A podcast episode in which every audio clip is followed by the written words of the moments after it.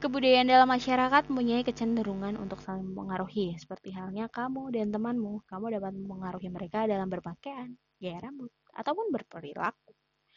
Begitu juga sebaliknya, temanmu dapat mempengaruhi kamu dalam berbagai hal. Dalam masyarakat, pengaruh kebudayaan suatu masyarakat dapat menyebabkan terjadinya perubahan sosial budaya pada masyarakat lain.